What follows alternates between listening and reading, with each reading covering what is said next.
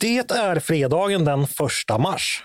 Jag heter Andreas Eriksson och du lyssnar på Ledarredaktionen, en podd från Svenska Dagbladet.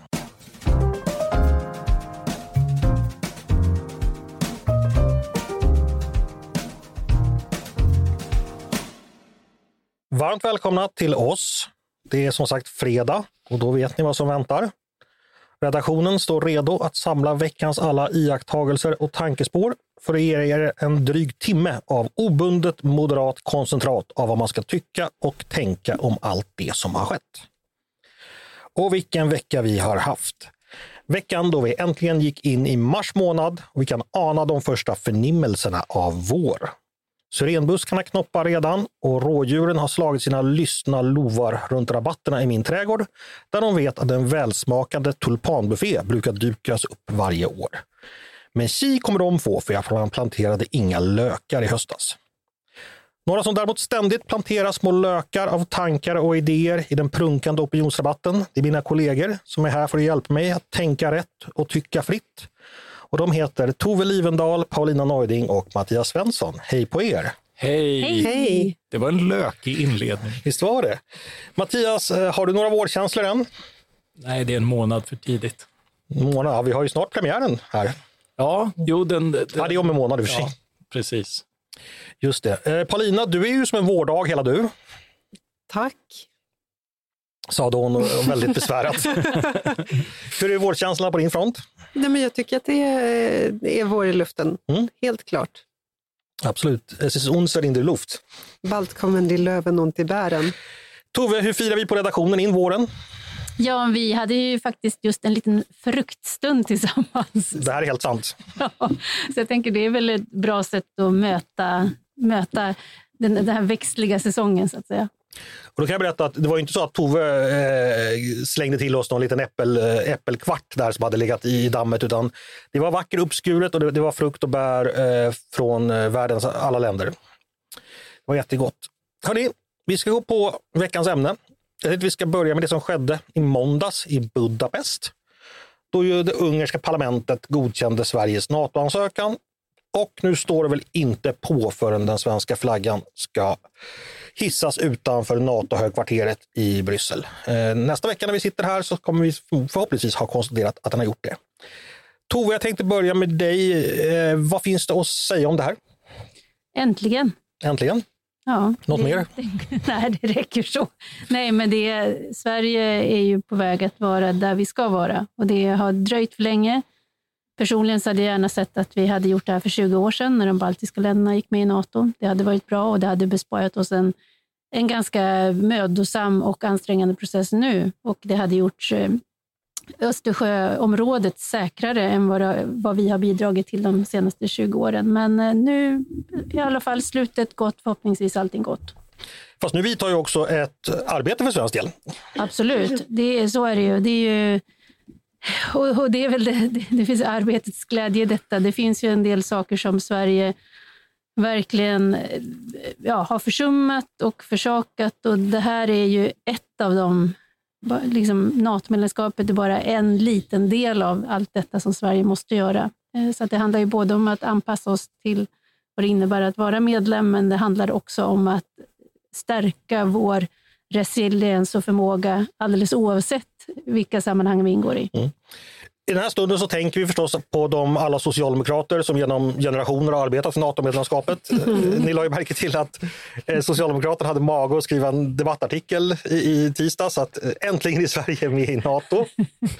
Eh, Mattias, vi, ja, Socialdemokraternas kamp för detta är ju välkänd. Man behöver inte säga så mycket mer. Eh, nej, nej, men precis. Eh, och den, alltså, de, de, det är ju förstås en styrka att kunna ändra sig. Ja, Eh, och eh, när, när de väl gjorde det så, så gick det ju imponerande snabbt att, eh, att ändå ta tag i, i processen. Det, det ska man ju ändå medge. Eh, sen så finns ju den här självtillräckligheten som vi förstås också Skamlösheten. Eh, Ja, ja alltså sån här, liksom, den, eh, eh, den tål att hedras men, eh, och skrattas åt ändå. Liksom, Men ska för- respekteras. Ja, ja, för det var ju liksom sån här att eh, de de lyckas ju få det till att, att det, den ansvarsfulla positionen var att ändra sig just när Socialdemokraterna ändrade mm. sig. Det var förmodligen oansvarigt att göra som Sverigedemokraterna och ändra sig fem dagar senare eller tidigare eller vad det var. Ingen vet riktigt. Och det handlar ofta om sekunder när Socialdemokraterna... Ja. För de var ju ett annat parti som, som liksom plötsligt såg att här fanns det ett tåg de inte hade hoppat på. Mm. Mm. Precis, och det har vi kanske inte pratat så mycket om, men, men att Sverigedemokraterna numera tillhör eh, familjen även där är intressant. Vi pratade om detta i podden förstås i tisdags. Då hade jag Christer Blingeus, eh, ambassadör och Kjell Engelbrekt som är professor vid Försvarshögskolan. Och, eh, lyssna gärna på den ifall ni inte gjort det, för då pratar vi mycket om det här eh, praktiska arbetet som vi tar när Sverige ska bli en NATO-medlem. Vi ska slänga in en liten eh, godbit här, ett av mitt favoritmoment faktiskt. För att vi har det inte så ofta, men ibland har vi det. Och det är det som heter Så funkar en ledarredaktion. För att i veckan bjöd vi på någonting på ledarsidan som vi inte brukar bjuda på så ofta, Tove, nämligen en osignerad ledare. Varför gjorde vi det just nu? Stämningen krävde det. ja, nej, men det är så. Vi har ju eh, under ganska lång tid övergått från att i princip bara skriva signerade ledare och det är för att jag tycker att det blir en bättre transparens och eh, det blir en bättre, roligare texter helt enkelt eh, för läsarna. Man kan ta ut svängarna lite mer. Och vi, vilket brukar bevisas i den här podden, tycker inte alltid lika om allt. Och Det är inte det viktiga, utan det viktiga är att vi kan göra liksom, debatten bättre med kloka argument och infallsvinklar.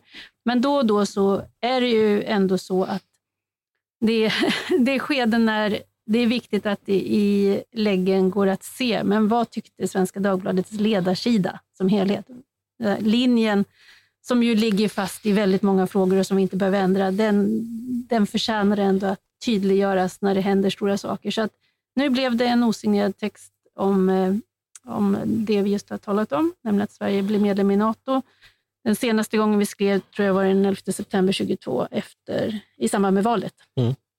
Just det. Så det är alltså då, eh, då kommer kanske ett, en per år numera helt enkelt? Någonting sånt. Ja. Ibland så har vi ju pratat också på redaktionen om att vi kanske skulle köra igenom en radda linjeartiklar på lite olika områden bara för att göra det, ja, gå igenom helt enkelt. Eh, vi får se. Det, det brukar lyfta som idé ibland och sen blir det inte gjort så att vi får se om, om i år är året det kommer att hända.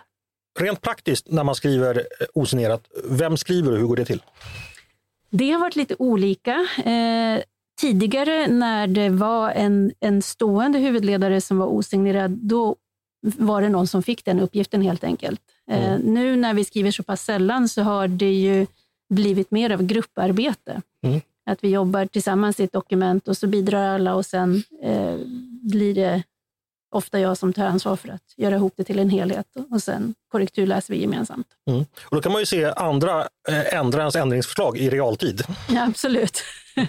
ja, men det, jag tycker att det, det är också det är ett eh, roligt sätt att utveckla eh, hantverket och få prova på att skriva på ett annat sätt. När vi ändå pratar om det här, eh, den osignerade ledaren är ju på väg bort även på andra håll. Eh, vad tycker vi? Förut var det ju väldigt vanligt på alla tidningar. Paulina, har du några tankar? Är det bra eller dåligt? Finns det fördelar och nackdelar eller spelar det ingen roll? Det ligger så himla mycket i tiden att, att det ska finnas en avsändare, en person och en byline på allting som man gör och gärna en bild. Mm. Så jag tror att det bara är, eh, det är där vi befinner oss. Mm. Människor är inte så intresserade av att läsa vad institutionen Svenska Dagbladet tycker, utan man vill veta vad personen Andreas Eriksson eller Tove Livendal mm. tycker. Så är det väl. Eh, och vi har inte börjat med AI här än, Tove. Inte än, nej. nej vi får se. Eh, ja, vad finns det mer att säga om Nato? Eh, jag har ju en kyld flaska skumpa hemma, men efter jag har, jag råkade skåla in Nato redan sommaren 2023 tror jag det var. Eh, och då vart jag ju blåst. Så att, eh, jag tänker inte ta den förrän, förrän jag fick dricka skumpa i onödan, synd om mig. Men eh, jag tänker inte ta den förrän det, det är verkligen klart den här gången. Förrän flaggan går i topp. Flaggan ska, ska i topp, precis ja. Flaggstången lär ju vara färdig i alla fall. Mm. Hörrni, vi ska fortsätta och då ska vi återigen utgå från Budapest, märkligt nog. Eh, för det är ju dit vänstern har utlovat att Sverige är på väg med den borgerliga regeringen. I bästa fall, för ibland menar de att vi redan är framme vid pass 1935 i, i Tyskland. Den här gången tutar man i stora fascistbasunen för ett förslag som kom idag. Eh, och det är då att eh, reglerna kring lotterier som politiska partier har ska ändras. Eh, det är ju tidigare så, så har ju de politiska partierna, precis som alla andra ideella organisationer, haft ett undantag från lotterilagen, vilket har inneburit att man exempelvis har fått eh, sälja lotter på på kredit och varit skattebefriade. Eh, partierna kommer få fortsätta nu, visar sig. Det här kom nyss in, så vi är inte helt på det klara med det. Men de ska fortsätta ha lotterier, men flera av de här undantagen kommer att eh, tas bort. Eh, och bakgrunden till att folk är så upprörda, att vänstern är så upprörd, är ju att Socialdemokraterna eh, tjänar ju väldigt, väldigt mycket pengar på det här. Eh, jag tror det är drygt 40 miljoner sa de på presskonferensen. Och det kan ju bli svårare om man inte då får sälja på kredit eller eh, och så vidare. Så frågan är, vem vill ta det här? Eh, att man, ja, orsaken är ju också, ska sägas, att Sverigedemokraterna har varit ut, ute, eh, Tobias Andersson exempelvis, och sagt att man gör det här med akt och mening för att strypa finansiering till Socialdemokraterna. Och att strypa oppositionens finansiering är ju någonting som inte är alltid förenligt med en fullt fungerande demokrati. Mm, Mattias, ska du börja ta dig an det här? Eh, ja, du benade upp det bra. Alltså det, och jag tycker att utredningen landar bra, ska sägas. därför att eh, det, det, det, är två saker som har varit sanna samtidigt. Att, eh, att från regeringshåll förbjuda partilotterier när, när det, då, det ledande oppositionspartiet är de som varit bäst på att driva partilotterier. De tjänar jättemycket pengar. Eh, alla andra partier är tillåtna att eh, göra precis detsamma och gör precis detsamma. Eh, de har försökt, de har försökt men inte varit lika bra. Moderater behöver kanske inte lika mycket lotter som socialdemokrater, vem vet. Eh, men eh, Eh, när man då misslyckats så, så den här avundsjuka, om, om inte vi lyckas så ska inte ni få heller. Liksom. Eh, det är både barnsligt och farligt. Mm. Eh, så det var väldigt bra att man inte landade i det. Däremot så är det också sant att Socialdemokraterna har ju värnat det här, eh, den här intäktskällan. För den har ju alltid varit vid sidan om ett spelmonopol som förbjudit privata aktörer att konkurrera. Och så har man gjort lite bekväma undantag för då politiska partier och den ideella sektorn. Eh, och eh, eh, när, när lotterna avreglerades så såg man nogsamt till att, att den här delen av lotterimarknaden inte utsattes för privat konkurrens utan istället omfattades av ganska gynnsamma regler för, för att just tillgodose eh, Socialdemokraternas partilotteri. Och eh, idrottsrörelsen också. Ja, ja, det stämmer. Och, eh, ja, och IOGT-NTO tjänar också jättemycket pengar för eh, sin propaganda och sånt där. Så, eh, så, så, det här finns ju ett, ett gäng aktörer som tjänar eh, bra med pengar och som inte eh, behöver oroa sig för privata aktörers konkurrens. Mm. Jag ska säga då, det, det som ska ändras nu konkret är att eh, partipolitiska lotterier ska betala spelskatt på behållningen. Man ska inte längre få sälja lotter på kredit och inte längre ska man få lämna bonus på samma förmånliga sätt som andra allmännyttiga lotterier. Eh, det vet jag inte exakt vad det innebär, men, men, men det är någonting i alla fall. Och ska det vara skyldig att lämna tydlig information till spelaren om vilket parti som står bakom lotteriet. Eh, Tove, vad tänker du om det här? Låter det vettigt? Ja, men det tror jag. Jag tror att det kan bli en, eh, av de skäl som Mattias tog upp här, så tror jag att det är ganska bra. Och sen, jag tycker ju då också att Eftersom jag inte är för vare sig parti eller pressstöd så tycker jag att då måste man liksom uppmuntra partier att hitta finansiering som inte innebär att man får pengar direkt från staten. Ja, men precis. Är inte det en viktig borgerlig tanke? Har inte Socialdemokraterna gjort det borgerligt rimliga här att gå ut och fixa egen finansiering mm. istället för att vara beroende av staten? Ja. De är väl bättre borgare än vad borgarna har varit i det här fallet? På så sätt kan man ju säga det, men samtidigt så innebär det ju då att man måste komma åt det som man tittar på nu, nämligen de här liksom, när man, när man så här, riggar marknaden för sig, sin egen skull. Ja, eller för alla politiska partiers skull. Det är inte, kan man verkligen säga att Socialdemokraterna har riggat marknaden när alla partier har samma förutsättningar? Ja, jag? fast partier ska ju inte ha några gräddfiler jämfört med andra kommersiella lotterier. Ja, okay. Eh, Paulina, vad landar du här? Är vi på väg mot Budapest? Nej, jag tyckte det var jättebra att tala på Mattias och Tove. Jag har inget att tillägga. Det är, eh, precis, det är precis så som Mattias säger. Alltså, å ena sidan så är det ett hyckleri som är rätt slående från Socialdemokraterna med det här undantaget. Varför skiljer sig politiska partier från andra ideella organisationer tycker ni i det här fallet? Mattias? Jag tycker väl inte att de gör det och att det känns lite ansträngt i, i den delen. För nu talas det om att eh, allmänhetens förtroende för partierna eh, står på spel här om de samtidigt... Ja, eh, det, det, är ju, det är ju verkligen ansträngt att, att just lyfta ut partierna ur, ur den här sek Så du är, mot, du, är mot, du är alltså mot förslaget fast du lät ganska positiv tidigare? Eh, jag, ty, jag tycker väl att, att likartade regler ska ju gälla för, för hela sektorn. Jag, jag ser inget, eh, inget egenvärde i att lyfta ut de politiska partierna som aktörer här. Utan, Men det är det man gör? Ja, precis. Och, och det, det tycker jag vore, eh, vore fel och en halvmesyr. Men däremot att, att det inte är så lyckat att ha de här privilegierna för, eh, för kredit och annat på spelande när man i andra sammanhang tycker att det är värdefullt med, med att vara försiktig. Det, det blir ju konstigt. Tove, nu fick vi veta då att Mattias, han var ju emot dagens förslag. Mm. Ändrar du dig? Vi får säga som eh, regeringen att vi ska analysera utredningen. Vad Tove säger nu är att hon har inte hunnit följa pressträffen och läsa utredningen riktigt. Nej, vi hade ju fruktstund. Nej, precis.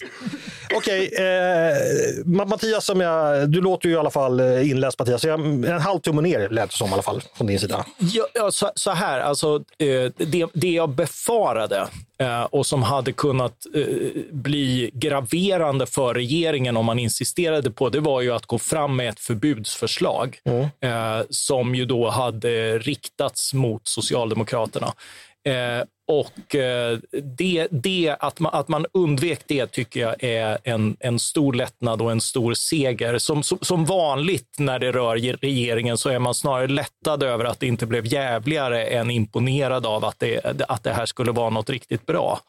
Eh, för, för precis som du är inne på, de här, även de här reglerna känns lite krystade och särskilt när de bara gäller politiska partier och inte, och inte mm. liksom är problem som man har identifierat med sektorn. Det, det är två partier som har eh, lotterier idag. Eh, bara så ni ska förstå omfattningen här. Moderaterna har en omsättning på 6 miljoner och drar in en halv miljon kronor. Socialdemokraterna har en total omsättning på 250 miljoner och drar in 42 miljoner kronor. Så att det innebär ju då att det är 30 gånger så hög det är mycket pengar på spel. Det är mycket pengar på spel. Ja, Okej, okay. eh, var landar vi där någonstans? Eh, jo, vi, vi, det var lite krystat. Eh, får vi se, nu vet vi inte exakt var och jag säger, den som utredde hade ju då, eh, utgångspunkten var ju att det här skulle regleras. Ska, sägas också. Ha, ska vi gå vidare tycker ni? Mm. Eh, vad ska vi prata om då? Paulina, välkommen in i matchen som mm, Magnus Härenstam brukade säga. Då ska du få Storbritannien 100 mm. kronor. Eh, du publicerar en text om just Storbritannien idag. Mm. Extremismen har satt skräck i demokratin. Och så en bild på Big Ben så att alla förstår att det är Storbritannien det handlar om. Eh, vad är det som har hänt? Jo, bilden är från fasaden på det brittiska parlamentet, eh, Westminsterpalatset. Eh, och en eh, demonstration i onsdags där demonstranter projicerade slagorden “From the river to the sea” på eh, det här klocktornet, då, Big Ben.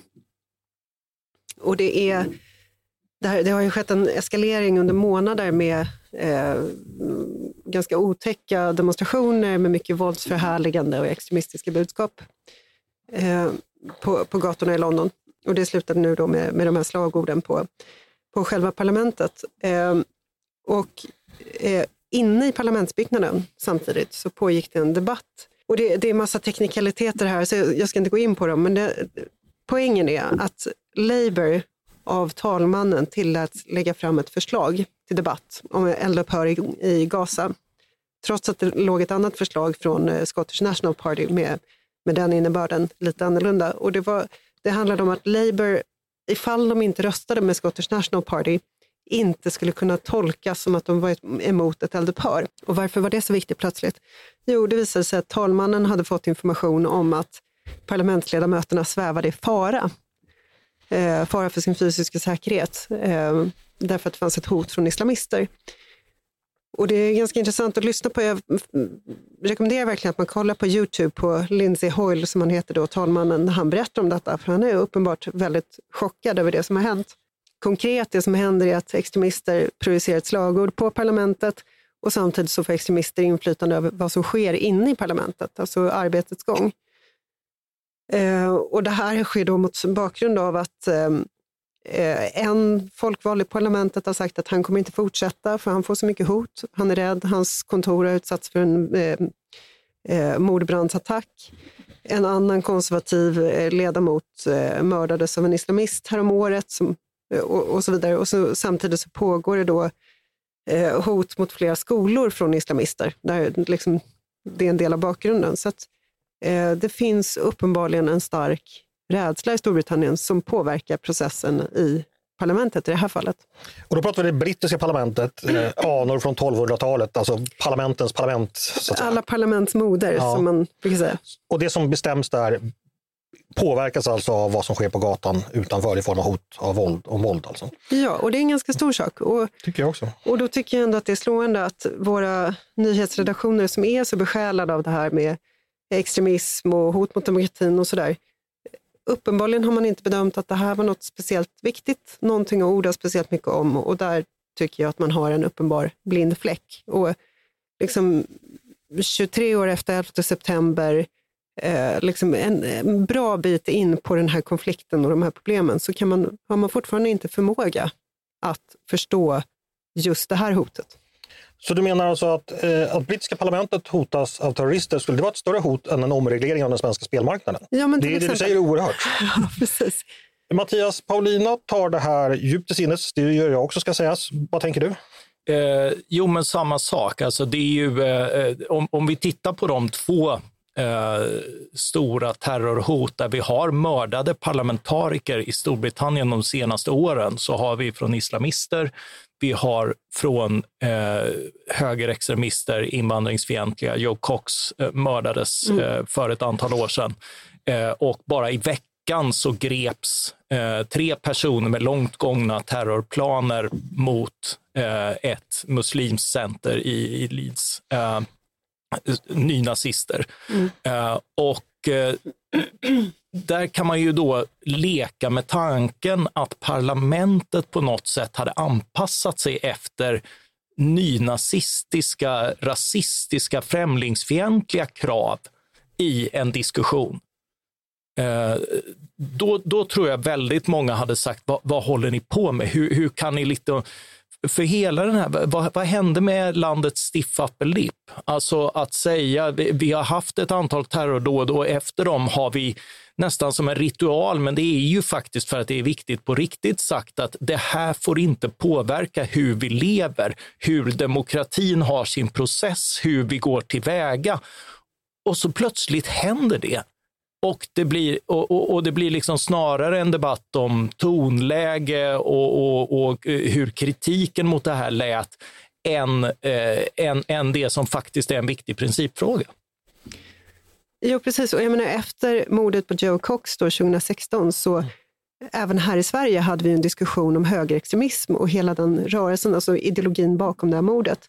Sen så sker mordet på Sir David Ames, tror jag att man uttalar det, eh, som var en konservativ eh, parlamentsledamot som mördades av en IS-anhängare. Eh, knivhöggs med, med 21 hugg eller något sånt där i, i en kyrka. Eh, och vi får inte samma debatt. Och inte heller i England, inte heller i Storbritannien, utan där, hade man, där hamnade diskussionen i, i så här, hat på sociala medier och det är viktigt att vi pratar schysst med varandra på sociala medier.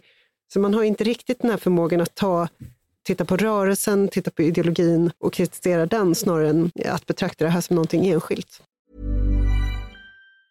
Hej, jag Ryan Reynolds. Recently, I asked Mint Mobiles legal team if big wireless companies are allowed to raise prices due to inflation. They said yes. And then when I asked if raising prices technically violates those onerous two-year contracts, they said, what the f*** are you talking about, you insane Hollywood ass?" So to recap, we're cutting the price of Mint Unlimited from $30 a month to just $15 a month. Give it a try at mintmobile.com slash switch. $45 up front for three months plus taxes and fees. Promoting for new customers for limited time. Unlimited more than 40 gigabytes per month. Slows. Full terms at mintmobile.com. Tove Paulina avslutar med ett stycke mediekritik. Hon skriver så här. Eh, Svenska nyhetsredaktioner är starkt besjälade av att granska extremism och demokratihot. Men här finns, om inte en blind fläck, så åtminstone en betydande synnedsättning. Du som sitter i Svenska Dagbladets redaktionsledning, eh, vad beror den här synnedsättningen på?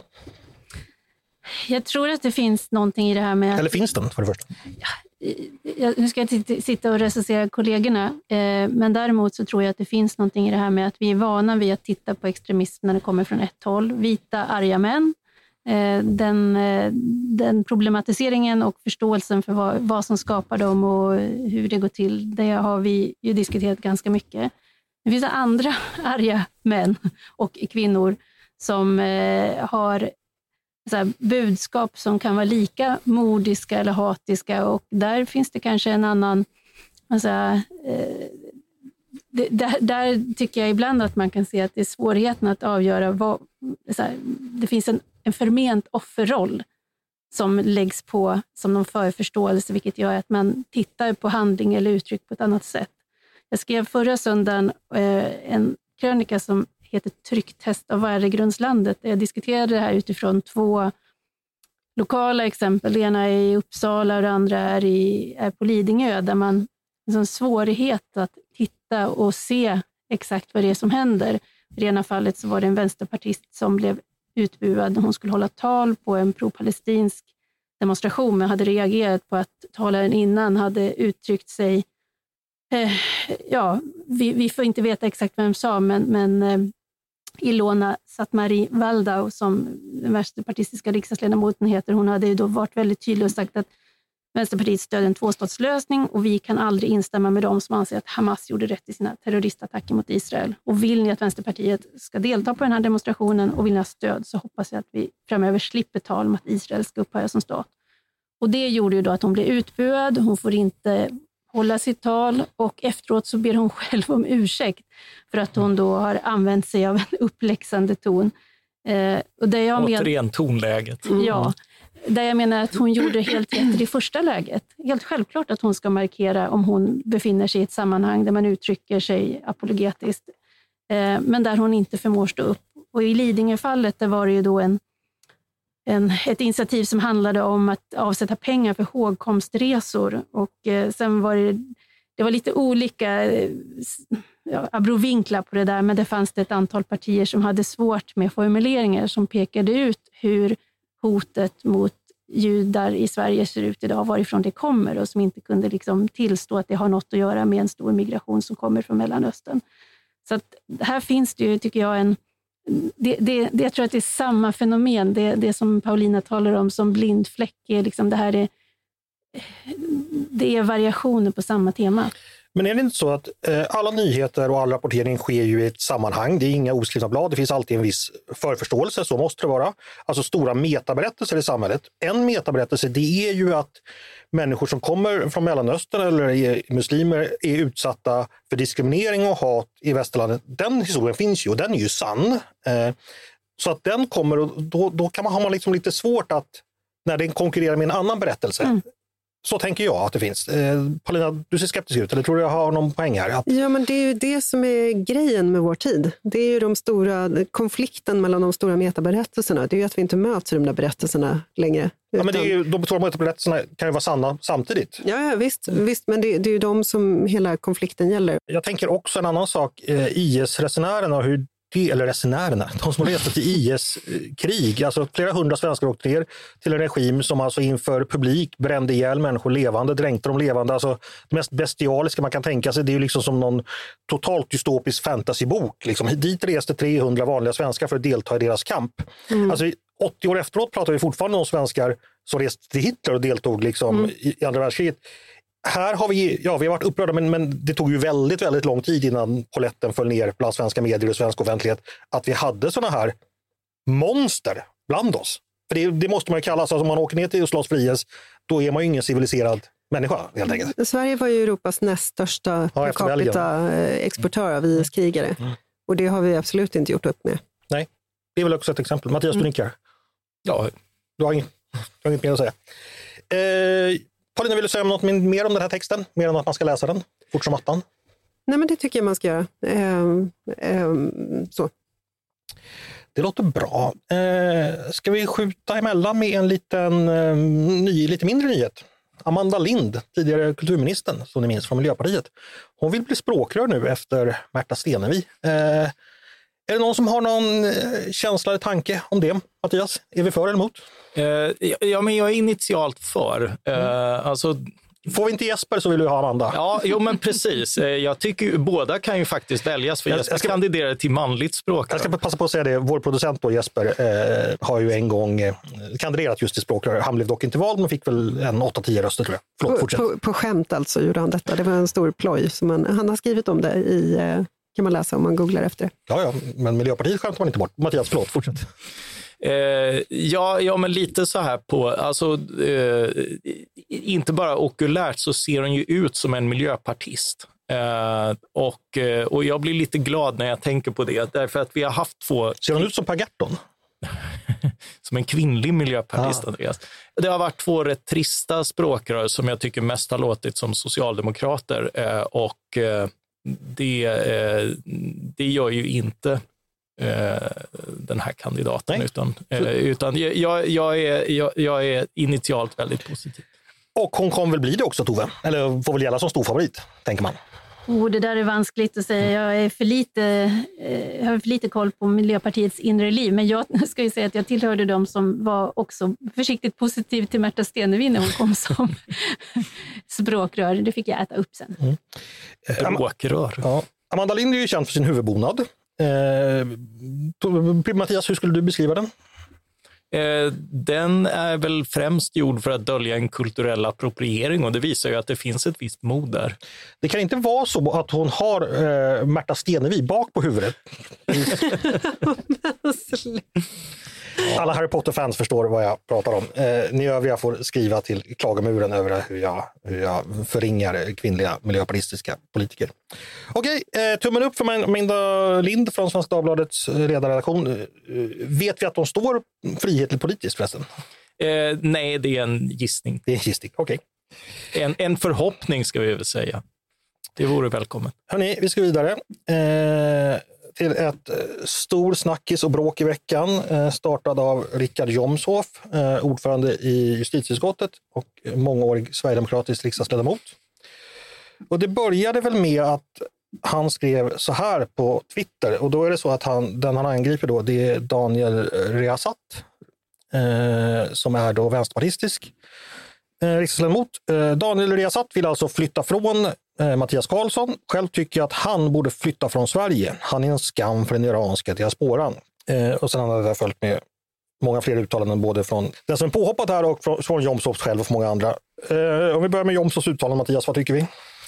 Eh, ja, men vi, vi, kan väl notera återigen bara innan vi tycker eh, att eh, ja, nu, nu har en eh, arvoderad riksdagspolitiker, som han har väl suttit nu alla Sverigedemokraternas ja, mandatperioder, eh, erfaren, rutinerad, eh, ordförande i justitieutskottet, eh, inte vilket eh, blåbär som helst, känt att han behövde lite uppmärksamhet och skjutit av något på Twitter. Jag, jag vi ser vad du gör, Rickard ja, ja, ja, men mm. precis. Eller jag gör ju inte det, för mig är han blockad. Mm. Eh, men eh, eh det är ju då Eh, om, om, man ändå ska, ska gå in på retoriken så är det också värt att notera, liksom, återigen så handlar det om att eh, Sverigedemokrater råkar säga någonting om att eh, svenska medborgare som bor här ska liksom flytta från landet. Det man skrek på gatorna på 90-talet helt ja, enkelt. Ja, men... För det här är ju gatukampsretorik helt enkelt. Stick hem. Ja, precis. Och, och, det är ju att Sverigedemokraterna har ju en sån här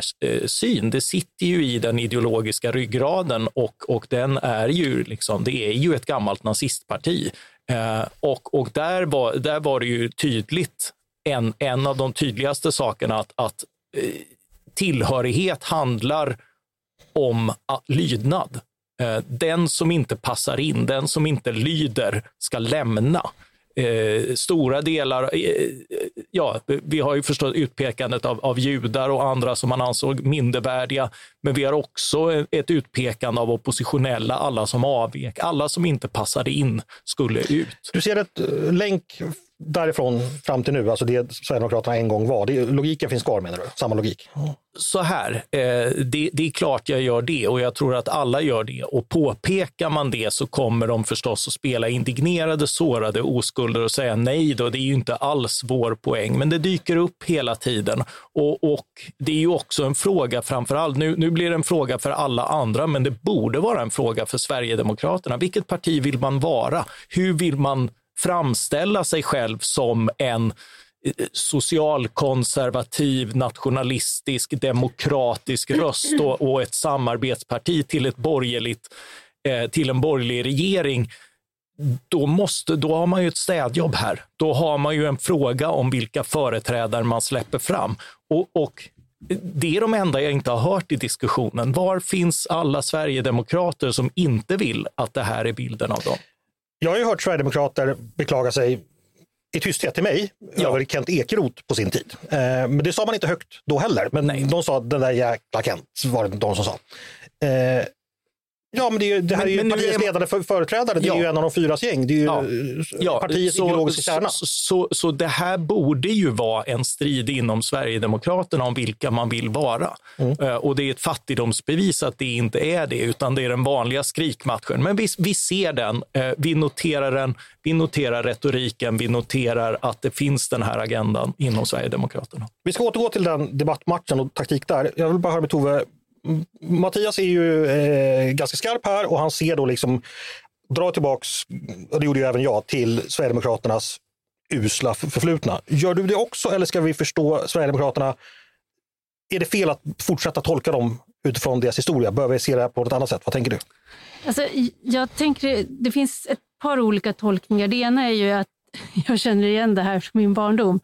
Men så här, oh, tjing tjong kines, åk hem till eh, Kina. Liksom. Eh, det, det är så väldigt, väldigt barnslig nivå. att eh, Jag gillar inte dig så du får inte vara här och så. Sen är det ju som sagt inte vilka som helst som uttrycker det här utan det är en person som är otroligt erfaren politiker. Han är som- 54 år gammal också. Han vet precis vad han gör. Han, han, har- han, har liksom inte, han är ingen nykomling. Och här finns det ju en gammal diskussion som både nynazister men också i, när jag, när jag som träffade de första Sverigedemokraterna i ungdomspolitiska debatter i Bollnäs och så där, så fanns det en väldigt tydlig idé om repatriering och återförande. Att människor som inte var födda här skulle liksom tillbaka, föras tillbaka till där de kom ifrån, för då blev det liksom ordning och så. Så att jag, jag, jag vet inte i vilken mån det är, så här, han fortsätter, som Mattias var inne på, bara, ja, nu behöver jag lite uppmärksamhet och så, så kör jag någonting som jag vet att alla går igång på. Där, där finns det ju, eller om det är så att det här tankegodset som fanns åtminstone för 30 år sedan fortfarande finns kvar. Eh, det, det andra jag skulle vilja säga det är ju att jag tror att Sverigedemokraterna som vanligt också i det här lyckas hitta en nerv som är eh, alltså, som, som, som är svårare att bara säga avfärda. Och det är att det finns, det här är, på ett sätt så skulle man kunna se det här som någon slags tankemässig bakgård till identitetspolitiken.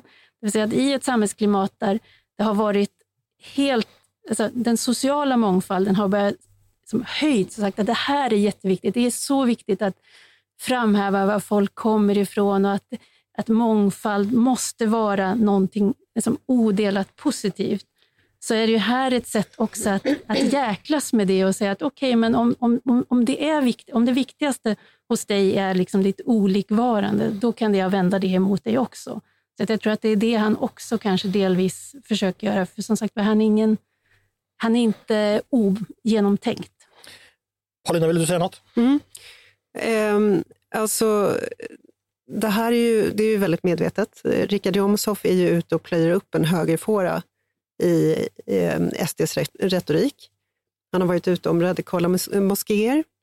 Eh, han är ute nu om det här med repatriering. Han pekar ut en enskild person och säger du borde åka hem och då är det ett sätt att säga titta på oss, vi, vi tar den här eh, Alternativ för Sverige-flanken.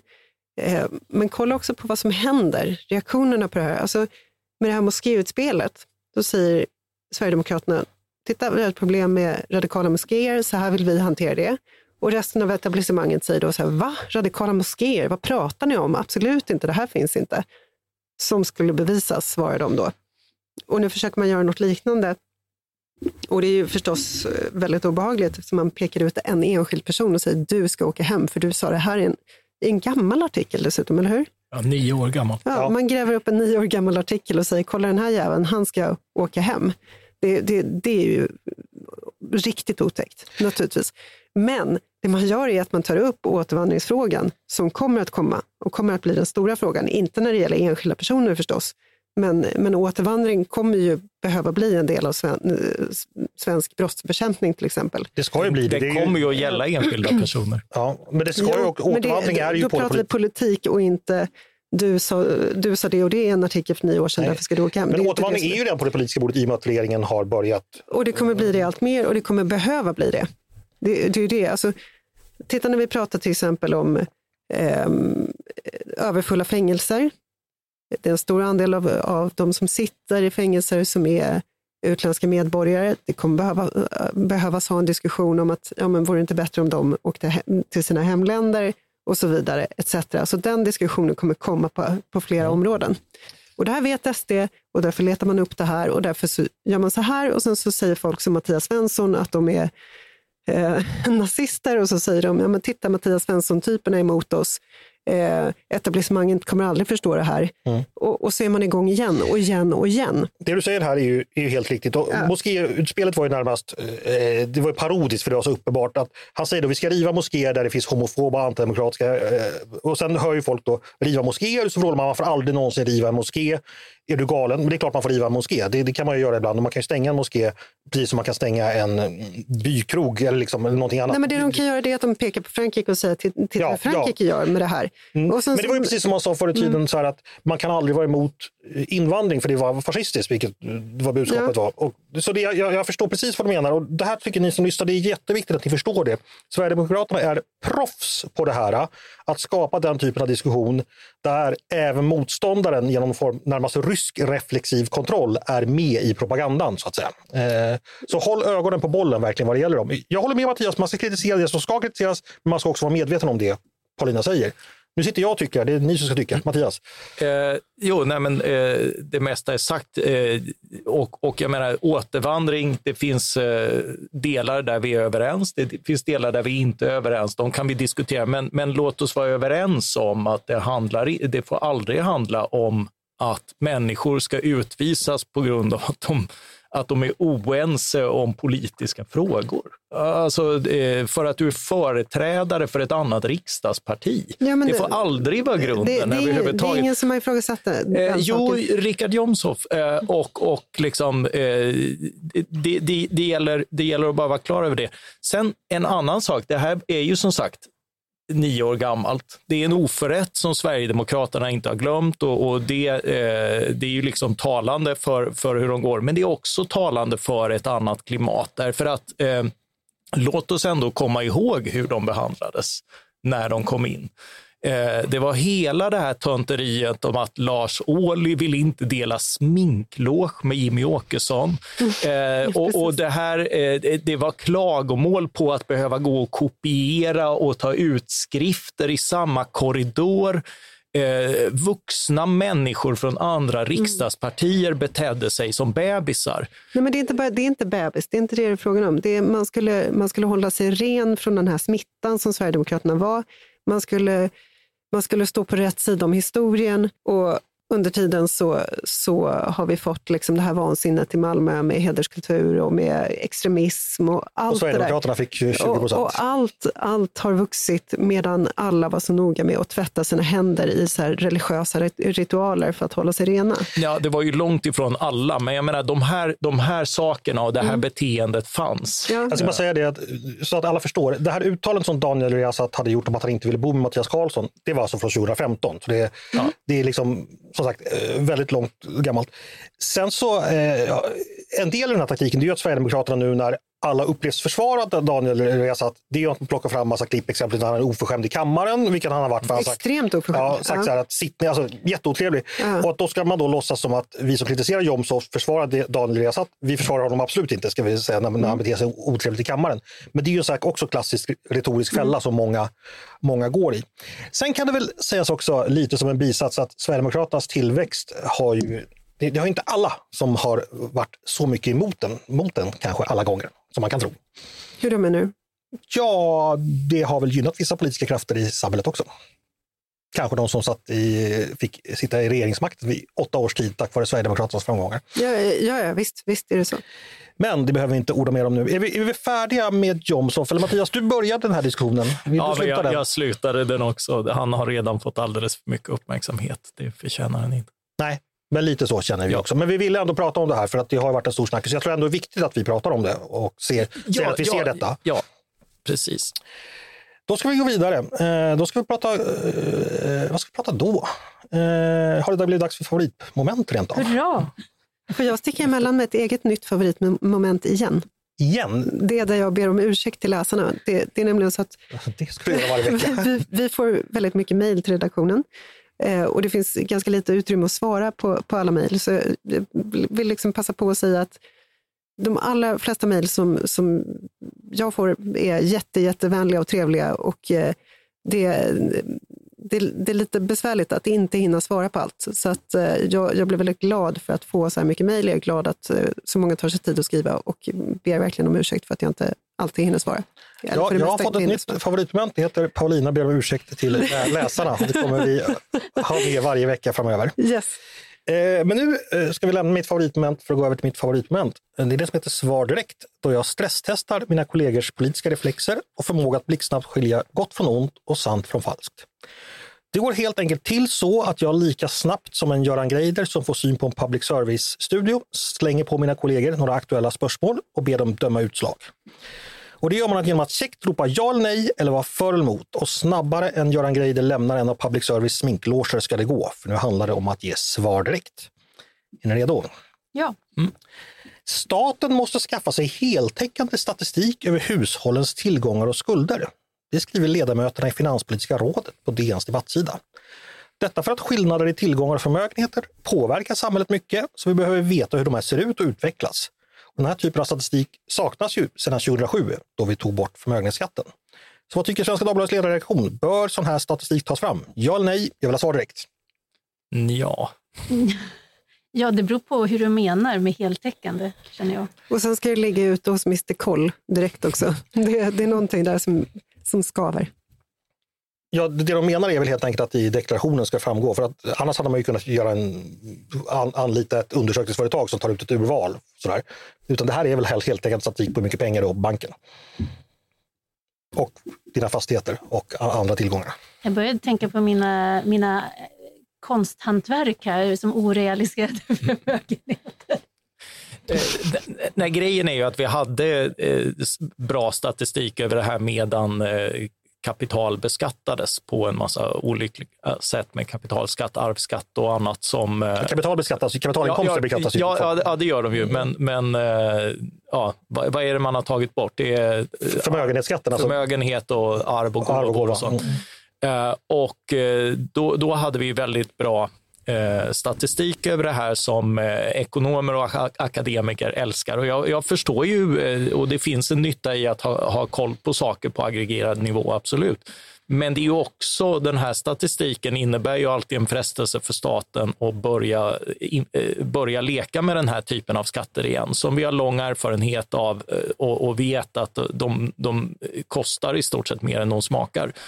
Eh, och, eh, och, och min skepsis grundar sig på det senare, att vi, vi ska inte fresta staten och börja, börja grabba åt sig igen. när visar du en lista på folk som har pengar för staten eller för politikerna, då, då kommer de bli förtjusta. Ja, det är lite som Jomshoff och kritik mot honom. Det är, Okej, så vi är inte helt övertygade om detta. Vi tar en till. Regeringen bör få möjlighet, apropå Jomshof då, bör få möjlighet att själv fatta beslut om att utvisa enskilda individer som bedöms verka mot rikets intressen. Det skriver Jimmy Åkesson på Aftonbladets debattsida idag. Detta handlar då enligt Åkesson om individer som agerat på ett sätt som allvarligt skadar sammanhållningen i Sverige. Genom att missbruka vår grundlagsfästa fri och rättigheter driver de sina egna eller främmande makters intressen på svensk mark, skriver han också och menar att det här rör sig exempelvis om gängkriminella ledarfigurer, eh, imamer som bedöms kapabla att sprida islamistisk eller homofob hatpropaganda eller individer som agerar i andra in- länders intressen för att destabilisera Sverige. Alltså att regeringen ska få utvisa dem. Låter det här som ett bra förslag? Ja eller nej? Eller svar direkt. Ja. Nej. Paulina, varför är det här bra? Jag tror, och jag ska skriva någonting längre om det här snart, att vi är lite för eh, eh, li, vi är för rädda för ministerstyre generellt i Sverige och det gör att vi, är väldigt, vi står väldigt tandlösa i kriser och i svåra situationer. Um, och det här är typiskt en sån här sak som är Salvan Momikas koranbränningar till exempel. Vi kunde bara stå där och se på. Liksom. Uh, och det tror inte jag är bra. Och jag tror att uh, den ehm, uh, regeringen måste ha, ha mer, eh, mer verktyg i sådana här lägen. Mattias, varför är du emot? Eh, ja, på grund av eh, hur det här kommer att användas för att sprida skräck bland människor som tycker olika, som är olika, som avviker eh, som väcker misshag, till exempel hos justitieutskottets ordförande och andra. Eh, det, det, här är ett redskap som är för dramatiskt, för godtyckligt, eh, för grovt.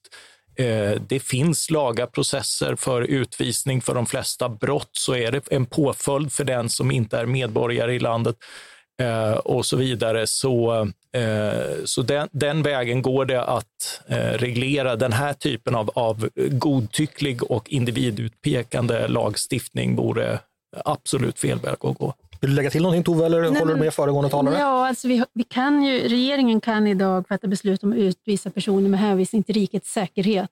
Och Det tycker jag är rimligt. Där bör det ju rimligtvis också ingå kategorier om man är eh, ledare för stora kriminella gäng och sådär. Det borde ses som ett hot mot rikets säkerhet. Men pratar man om sammanhållning så är då man liksom inne på en annan väg.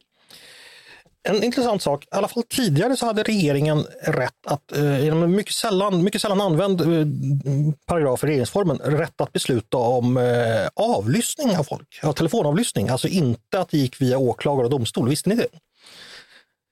Det, jag tror bara en gång, det används en gång i Palmeutredningen, det är därför jag kan jag, det här. Jag skulle just säga så här, är du gammal ja. Palmespanare? Ja, ja. För det här, det här beslutet fattade nämligen regeringen strax efter mordet på Olof Palme då man mm. valde att eh, telefonavlyssna ett antal personer Eh, och jag, jag, är så fascinerad av att den här möjligheten hela tiden har funnits. Jag vet sagt inte om den finns kvar idag, men den fanns i alla fall 1986. Eh, på den tiden fick man inte rumsavlyssna, men det, det, det, gjorde man ändå. Men du har hört det här lilla klicket när du talar, va? Bara för att jag är paranoid innebär det inte att ingen förföljer mig. Jaha, eh, Ja, det var det väl det jag hade nu. Jag kom på att det var en sak, eh, ett ämne vi, vi hade tänkt vi skulle prata om helt kort. Eh, vi tänkte nämna den här kulturkanonutredningen som kom i veckan. Ja. Eh, Paulina ler som en sol. Berätta, mm. varför är den så rolig? Eh, därför att det är tung slagsida åt eh, Svenska Dagbladet i, bland utredarna. Mm. Det är vår, i alla fall min gamla chef här på ledarsidan, PJ Anders Linder. Mm. Det är Peter Luthersson, tidigare kulturchefen. Mm. Eh, Gunilla Kindstrand tror jag också har. och Lars Trägård leder det här. Ja. Han har väl inget med svenskan att göra, men i alla fall. Han är ändå nämna honom. Eh, ja. Så du tror det här blir bra? Jag tror att det är jättebra. Det är den andra väldigt bra utredningen som presenteras på kort tid. Vilken var den första? Eh, läroplansutredningen som Just. jag har eh, efterfrågat eh, flera gånger på den här mm. sidan. Och i... Där en medarbetare på sidan medverkar. Mm. Inger Enqvist. Just det, och, och, det är fantastiskt. Det är Inger Enqvist och det är Martin Ingvar. En lång rad väldigt, väldigt bra namn. Så det är kul. Mattias, eh, kulturkanonutredningen förbigick dig den här gången. Hur känns det? Ja, nej, hade de satt mig som expert i den så hade det varit definitivt anledning att underkänna det. Så beläst är jag inte, tyvärr. Eh, har vi pratat om vi för eller emot kulturkanon? Det har vi gjort va? Ja, det måste vi. Vi hade ju till och med vår egen kulturkanon i somras, kommer du ihåg det? Det hade vi. Hörni, då har det blivit dags för mitt favoritmoment. Det är det som heter svar... Nej, det är det inte alls det. Nu får jag fel i manus. Det är det som heter Är du smartare än en ledarskribent? Och för nytillkomna lyssnare ska jag kort förklara vad det här går ut på. Det handlar att jag i min långt ifrån eh, harmoniska uppväxt en fredagkväll råkade titta över mamma och pappas axel och där i rutan, strax under den blinkande pilen i högerhörnet, fick se en skallig man från Göteborg som ställde välartikulerade triviafrågor till en tyngdlyftare och ett tennisorakel instängda i boaserade burar. Och jag tänkte, som han, som han vill jag bli. Sedan gick så, sålunda högstadiet utan hångel, men jag släppte inte min dröm och i en annan värld och en annan tid, när någon haft det säregna omdömet att låta mig leda poddar för Sveriges liberalkonservativa tidningsdrake, har jag återtagit den ambitionen från denna lilla pojke som sa sådan vill jag bli när han 1987 såg Ingvar Oldsberg leda På spåret. Och följaktligen bär det sig inte bättre att det är mina kollegor som får lida för denna, vad ska man kalla det, passion, Tove, Mattias och Paulina. Ni får helt enkelt agera statister när jag lever ut mina barndomsdrömmar. ni, Så gärna. Ja, eh, det än hångel. Eh, ni som lyssnar kan också vara med och gestalta denna barndomsdröm och svarar ni snabbare och rättare än vad mina kollegor gör, då kan ni titulera er smartare än ledarskribent. Och då hoppas jag verkligen ni bestämmer er för att göra någonting mer högavlönat än att vara ledarskribent när ni blir stora. Reglerna kan ni. Man svarar genom att säga sitt namn. Vill man chansa innan jag läst färdigt frågan, då får man det. Men då slutar jag läsa och man riskerar dessutom minuspoäng. Man har bara ett svar per fråga och vinnaren får en hela veckans av evig ära. Är det okej okay med alla? Mm, ja. då ska vi dra igång. Vi har ju precis gått in i mars, den tiden som på den goda kejsarnas tid var det årets första månad. Mars är ju en gud i romersk mytologi. Vem var hans motsvarighet i nordisk mytologi som likt Mars? Tove. Tove? Tor. Mm. Nej. Motsvarighet i nordisk mytologi som likt Mars i den latinska språkgemenskapen fått ge namn åt veckodagen mellan måndag och onsdag. Paulina. Paulina? Tyr. Ja, Ja, eller ti, som i Tiveden. Då fick du minuspoäng, Tove. Ja. Det var ingen stark start. dåligt. Det var tur att du sa fel, för annars hade jag sagt samma sak. Vi fortsätter med marsch. Marsch, marsch. Björborgarnas marsch, en gammal svensk militärmarsch, numera Finlands försvarsmakts paradmarsch. Vem skrev den svenska texten till den?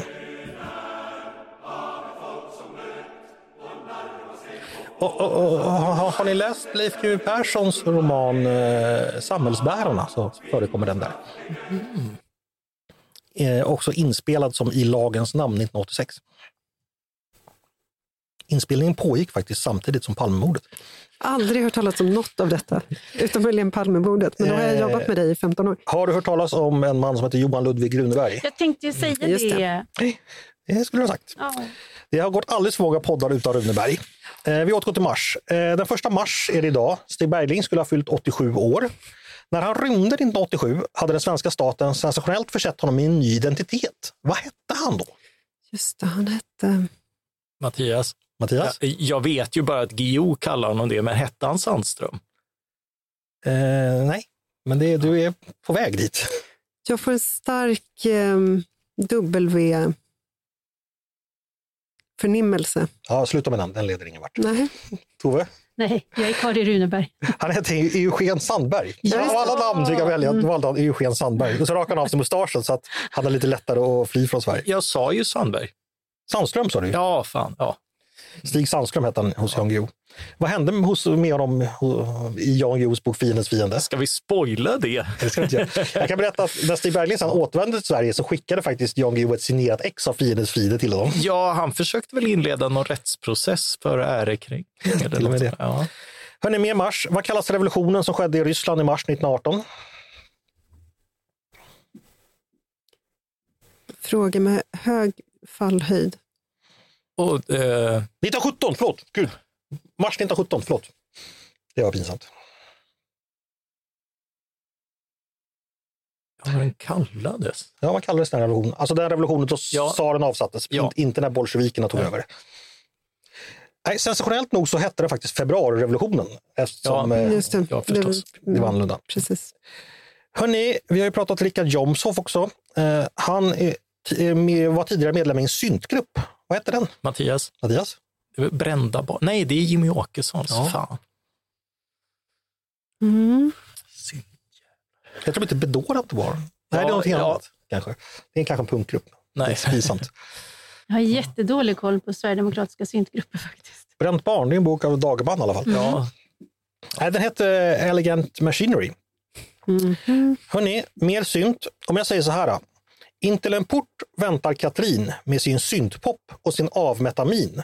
Men hon tinar upp när Johnnys maskin vrålar ut sin sång, att natten är lång. Vilken svensk duo citerar jag då?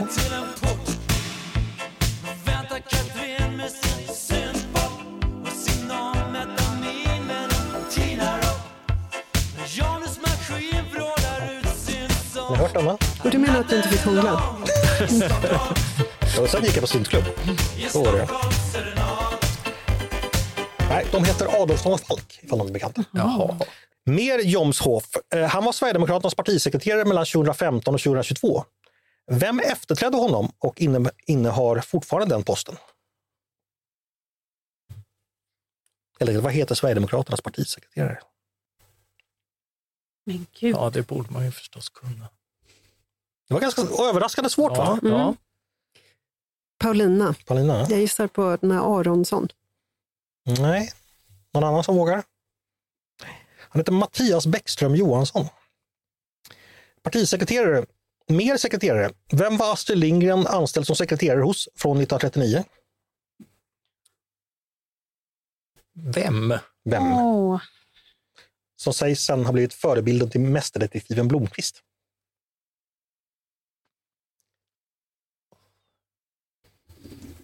Nej, ingen. Han heter Harry Söderman, är han bekant? Revolver-Harry? Nej, inte. Det var han som befriade koncentrationslägret Grini i Oslo och avslutade sina dagar i Tanger faktiskt. Hörni, eh, dåligt med poäng här. Paulina leder på ett poäng. Eh, mer Jomshof. Eh, Richard Jomshof och hans familj, det är de enda som heter Jomshof, så jag antar att de har tagit namnet. Och jag misstänker att Jomsvikingar kan ha med saken att göra. Jomsvikingar var enligt den isländska sagan en grupp krigare som hade sin hemvist vid Östersjöns södra strand. Dessa ingår i samma sagor i Sveriges historia så tillvida att en försmådd kungason var deras hövding och vid slaget vid Fyrisvallarna utanför Uppsala eh, förlorade ett slag mot, eh, den här kungasonen förlorade ett, eh, ett slag mot sin, sin farbror Erik Segersäll. Eh, vad hette den här vikingahövdingen som bland annat förekommer i boken Röde Orm? Alltså Jomsvikingarnas hövding. Ingen som har läst Röde Orm? Jo, Nej, men länge, länge sedan. Fyrisvallarna, där är ju utanför din, din port i princip. Han heter Styrbjörn Starke. Georg Riedel lämnar oss i veckan, känd bland annat för sången som Du kära lilla snickarbo. I vilken kommun ligger Lönneberga, där Emil bodde? Mattias, Mattias? Vimmerby. Nej. Kommun. Paulina, Paulina? Vetlanda. Nej. Det är ju rätt landskap i alla fall. Mm. Nej, eh, svaret är Hultsfred. Ja. Ja, ja. Sjörövar-Fabbe och Kalle Theodor från Pippi Långstrump är andra kända kompositioner av Georg Riedel. När SVT sände Pippi-serien 2014 blev, ett omdiskuterat, blev det omdiskuterat att ett visst ord hade klippts bort. Vilket var ordet? Paulina? ja, det var det här med kungen. Ja, Ja, n-ordet då. han är ju kung. Ja. Det var väl en av de rimligare anpassningarna av den typen kan man ju tycka Ja, faktiskt. Söderhavskung är väl, väl rätt rimligt. Du, Precis. du har inte gjort något streck på mig? Det har du koll på. Mm. Eh, Georg Riedel kom till Sverige som fyraåring 1938. I vilket land Paulina, född? Tjeckoslovakien, Precis, snyggt. Han är född i någonting som heter Karlsbad. ja, Karlovy Vary i så länge nuvarande Tjeckien. Här måste jag bara lägga in en sensationell triviauppgift som har lite att göra med vår fruktstund. Eh, Karlsbader Schnitte är det östtyska namnet på en populär 50-talsrätt som i Västtyskland och andra delar av världen går under namnet Toast Hawaii. Det består av gratinerat bröd med skinka och ananas. Men man kunde i Östtyskland då inte namnge efter amerikansk delstat för det var ju imperialistiskt. Alltså blev det då Karlsbader Schnitte. Fantastiskt va? Eh, hörni, nu får ni andra skärpa er så inte Paulina sopar hem det här. Vi har ju pratat om det brittiska parlamentet. Dess föregångare, det engelska parlamentet, skapade, skapade sig år 1688 betydande makt och statsfäste den brittiska parlamentarismen genom att den nya kungen William III fick skriva under Bill of Rights. Vad kallas Paulina. denna om... Paulina? The Glorious Revolution. Snyggt. Det engelska parlamentet spelade en viktig roll under det engelska inbördeskriget i mitten av 1600-talet. 1600-talet. Vad hette ledaren för den sida som slogs mot kungamakten? Eh, mot kungamakten slogs... Mycket känd person. Var det Orange? Vill du svara Paulina? Nej, nu är det högfall. Hör det. Vad sa du? Mitten av 1600-talet? Då var det eh, krig mellan då parlamentsanhängare och kungaanhängare. De halshögg kungen dessutom.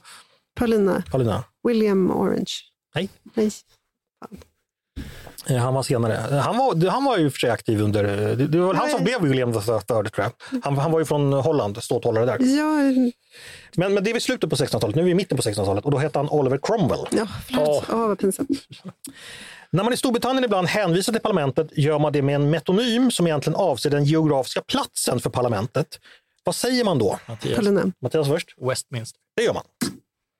Metonym är ett fint ord. Det är det verkligen. Eh, Det passar väl i det här sammanhanget också. Westminster. Eh, ja, Paulina, grattis. Du sopade hem det här så det bara dånade om det. Tack. Det var eh, den ärorika segern, the glorious victory. Är det nu jag ska be om ursäkt till läsarna? nu får det För min räcka med det. bleka figur här i... Jag hade ett jätterolig utslagsfråga som hade med Miljöpartiet att göra, men det får vi ta nästa gång. Då har det faktiskt blivit dags för Paulinas favoritmoment. Det var ju det som hon införde då. Eh, Hon ska be om ursäkt igen. Nej, vad var det Paulina? Berätta om ditt favoritmoment. Vi skulle berätta om vi hade läst någon intressant och bra bok. Ja, alldeles utmärkt. Eh, Har du något att tipsa om? Eh, ja, det har jag faktiskt. Förra veckan var det ju Andre Walden, eh, Jävla karar, som är en fantastisk bok. Och den här veckan så håller jag på och läser Maria Borelius bok som heter Förundran. Maria Borelius har skrivit väldigt, väldigt bra böcker om eh, hälsa och eh, eh, andlighet och, och hur, hur det ena går in i det andra. Och eh, Förundran är en väldigt klok bok med en klok aspekt på, eh, på alltihopa. Mm. Det är väl ett jättebra tips för alla som lyssnar. Är det någon annan? Eh, Tove, vad läser du just nu? Jag har precis eh, läst ut en bok, en bok som heter Pachinko av Min Jin Lee, som är en eh, koreanska som är uppvuxen i Harlem och hon har skrivit ett familjeepos om en koreansk familj som flyttar och lever i exil i Japan i början av 1900-talet. Och den var, ja, den var, den var sån där, just ett epos, man läser en skildring, det är en fiktiv berättelse över, som löper över flera generationer. Så Mm. det var en sån där som fick eh, avnjutas i små portioner men var väldigt, ja, den sitter kvar. Mattias, har du någonting att tipsa om i läsfrukternas trädgård? Eh, jo, eh, jag har ju, jag håller på att slå upp här. Jag får passa på, jag läser faktiskt eh, Dantes komedin nu, nu och det måste jag säga att den, är- jag har inte kommit så långt. Eh, jag har kommit kanske fem sånger in, de har knappt kommit in i Inferno än, men den är förvånansvärt begriplig och lättläst. Vad man däremot ständigt får göra det är ju då att Dante beskriver ju, det är ju en medeltida kosmos som vi inte alltid känner till allting om. Så man får ha telefonen bredvid och slå upp väldigt många ord, men det är väldigt, väldigt bildande faktiskt. Ja, Mattias? Eh, jo, eh, jag har ju stuckit emellan min läsning med lite eh, aktuell. Eh, så jag gjorde en bokpodd med Lena Einhorn eh, i veckan. Sändes i Eh, måndags. Om kameleont, om Putins väg till makten som jag även har skrivit om. Och så har jag läst Nils Bildts nyutkomna bok Putins vidriga krig som rekapitulerar de två, Eh, två åren av fullskalig invasion i, i Ukraina eh, på ett eh, pedagogiskt sätt som även en gammal värnpliktsvägrare kan hänga med på. Eh, och eh, det är också ett kommande poddämne. Mm. Precis, eh, vad bra. Vill Paulina slänga in ytterligare några favoritmoment eller har du fått nog nu? Jag sätter punkt här. Sätter punkt här. Det ska vi också göra alldeles strax. Vi ska ju bara passa på att önska alla en trevlig helg och hoppas att ni hade en trevlig stund med oss. Eh, och att vi är glada att våren är på gång. Tack så mycket Tove Livendal för att du var med idag. Tack snälla Andreas. Tack så mycket Paulina Neuding för att du var med idag. Tack för att jag fick vara med. Tack så mycket Mattias Svensson för att du var med idag. Ett nöje som alltid. Och tack till alla er som har lyssnat på dagens avsnitt av Ledarredaktionen, en podd från Svenska Dagbladet. Som vanligt är ni varmt, varmt välkomna att höra av er till oss på redaktionen med tankar och synpunkter på det vi precis har diskuterat. Eller om det är så att ni har idéer och förslag på saker vad vi borde ta upp i framtiden. Får gärna också höra av er om ni har förslag på vad Paulina ska be om ursäkt för i framtiden. I samtliga fall så är det bara att mejla till ledarsidan snabel svd.se. Dagens duktiga producent, han heter Jesper Sandström. Själv heter jag Andreas Eriksson och jag hoppas att vi hörs snart igen.